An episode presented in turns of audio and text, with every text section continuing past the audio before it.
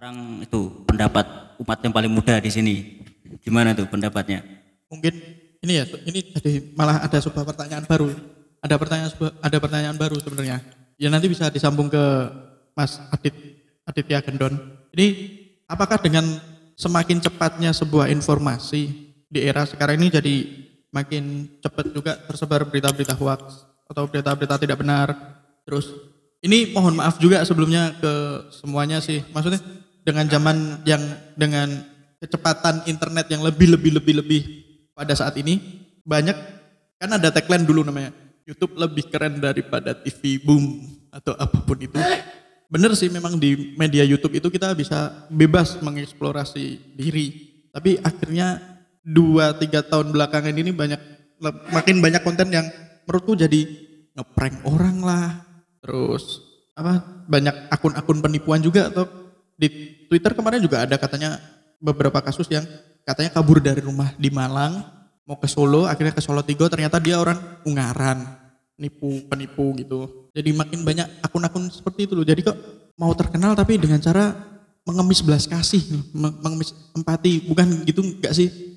Itu aku tidak mendiskreditkan ke angkatan berapa dia lahir sih maksudnya kok jadi makin banyak orang harusnya malah lebih kreatif gitu loh mengajak orang-orang lain mengedukasi lah minimal apa pun apa pun itu ke kesukaan kalian.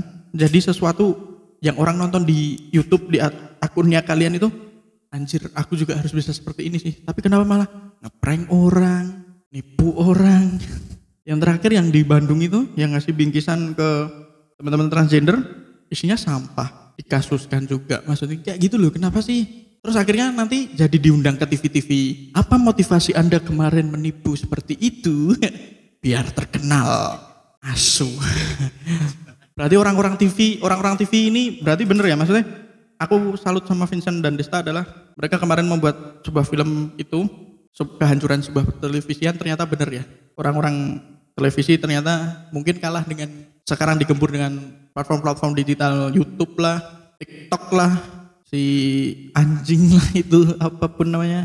Jadi memang TV sekarang rusak dan aku nonton TV cuma nonton berita. Setelah ada berita yang diulang-ulang-ulang-ulang semua televisi hampir menayangkan menayangkan itu seharian penuh ya akhirnya bo- boring juga.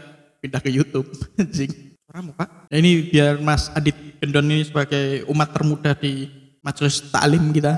Gimana Mas Gendon? Kamu sebenarnya bermasalah nggak sih dikatakan sebagai generasi micin Kalau dikatakan sebagai generasi saya nggak masalah sih, cuman orang Mas. bukan bukan pasrah, sih, karena pribadi masing-masing. gitu. Ya karena Ada yang- ada yang mungkin mau- dia mengkonsumsi micin juga mungkin. masalah generasi generasi mesin itu masalah pribadi dan pribadi sendiri yang menilai kan. Kalau dipermasalahkan sih nggak nggak nyaman nggak? Sebenarnya bukan bukan mempermasalahkan sih. Angkatanmu dikatakan generasi micin itu nyaman nggak? Terus pernah pernah sempat merasa aswi ngopo tuh kok aku bisa karo angkatanku delok ke generasi micin ini salah opo gitu. Maksudnya pernah ada timbul pertanyaan itu secara pribadi nggak gitu loh. Padahal sudah disebut sebagai generasi milenial kan sudah bagus gitu loh. Bener nggak? Itu udah bagus gitu loh. Atau teman-temanmu pernah chat grup SMA-mu atau gimana ngomong, oh ya ngopo ya ade kok dilok ke generasi micin. Ben- ada nggak sih perdebatan seperti itu di angkatan kalian? kalau di angkatan saya itu nggak ada, nggak ada yang mempermasalahkan, mempermasalahkan itu nggak ada. Kalau mungkin di bawahku ada, cuman saya nggak tahu maksudnya apa nggak tahu. ya. Berarti Mas Adit mungkin ini sih tipe orang yang bomat lah anjing itu kata orang sih cuma jalan-jalan aja gitu berarti ya Iya. mungkin ada yang lain mungkin eh, atau kita rubah aja sih sebenarnya kita rubah nah ini ini Ah, nambah ya. ini baru aja nih aku searching searching Google kan. Kalau aku juga penasaran. kalau aku ngocok. Nah ini, ini, ini, ini berdasarkan beberapa website, ini nggak perlu disebutin namanya ya. Nah ini nih generasi micin itu, ah, mocok nih. Nggak agak agak agak tengah dikit. Itu berdasarkan website itu yang aku lihat, yang aku baca tadi. Generasi micin kan mengacu ke orang-orang zaman now, anak-anak zaman now, di mana di- mereka tuh nggak mau pakai otak gitu istilahnya. Kenapa? Karena zaman sekarang udah mudah semua, gampang. Jadi nggak ada yang namanya eh, istilahnya kalau zaman dulu tuh hard skill yang Yes, yes, yes, dipakai. mungkin ini juga imbas dari percandaan kita dulu ya Nah, nih pas Tuhan bagi otak ih, hadir nah ini mungkin karena pas mereka keluar otaknya habis belum diproduksi lagi mungkin seperti itu mungkin terima kasih terima kasih terima kasih, terima kasih. Pak Sat. Jadi kehabisan stok ya. Ya nunggu restock. Terus kenapa disebut sama generasi micin? Eh, mungkin karena orang-orang itu nggak suka gitu ya, nggak suka sama Micin? mi- micin gitu loh. Micin itu dianggap micin itu bikin- enak loh. Iya. Ya, iya iya, bener lah namanya penyedap rasa kan. Kan Di belakangnya suka. kan sudah ada anjuran pakainya. Iya. suka gitu. Ada sampai ada yang namanya ini di sini ada Bapak Micin itu namanya Roma Irama. Ya serius nih. Tuh. Eh, ya ini nih. nih. Coba nih, dia deh, ini baca nih. Lenek gambare kok. Oh iya. Oh iya iya. Anjing. Oh, Bayang iya, no, lupa, lupa, apa lupa. aku iso visualkan dengan dengan omongan. Kita engko akeh sing edit. Sang penemu atau bapak generasi adalah Roma Irama. Terlihat Roma Irama yang masih muda sedang mempromosikan kemasan penyedap rasa. Loh, ini dia baca nih.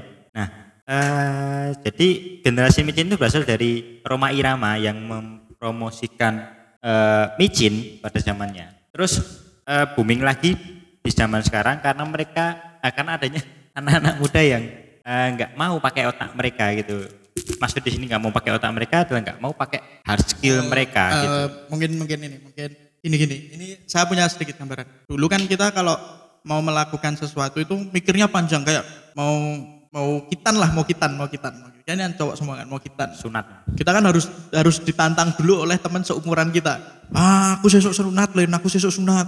Masa aku sunat? Nah kayak gitu loh. Dan kayak kita mikirkan "Cih, kowe sunat lorora ya? Nah kalau sekarang kayak kowe mungkin ya kalau sekarang penggambarannya adalah kowe jari ini seneng karo si A masa ora wa- masa ora wani nyatake karo si A terus akhirnya tanpa berpikir panjang langsung aja ngamperin si A si si B ini tadi nyamperin si A langsung ngomong aku seneng ro kowe kowe gelem dadi aku tanpa berpikir ya kayak urat Efek panjang malunya ya? terputus. Efek mungkin. panjangnya itu. Ya, mungkin seperti itu. Jadi berpikiran pendek, jangka pendek, jangka Atau pendek. gambarnya gini juga bisa. Kalau itu kan tadi dari temen ya.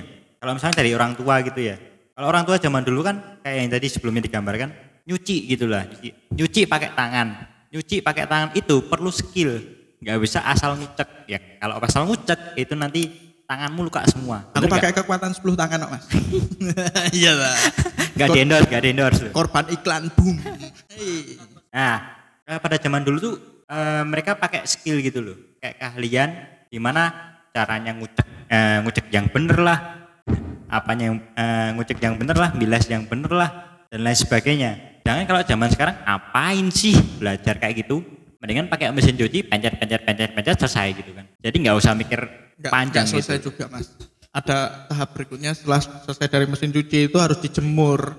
Gak bisa. Kamu mesti mesin cucinya masih yang pakai dua tabung kok saya udah setabung. Enggak lah, satu tabung lah. Kan bisa langsung kering kan. Ya tetap harus dijemur, Mas. Ya udah, nggak apa lah.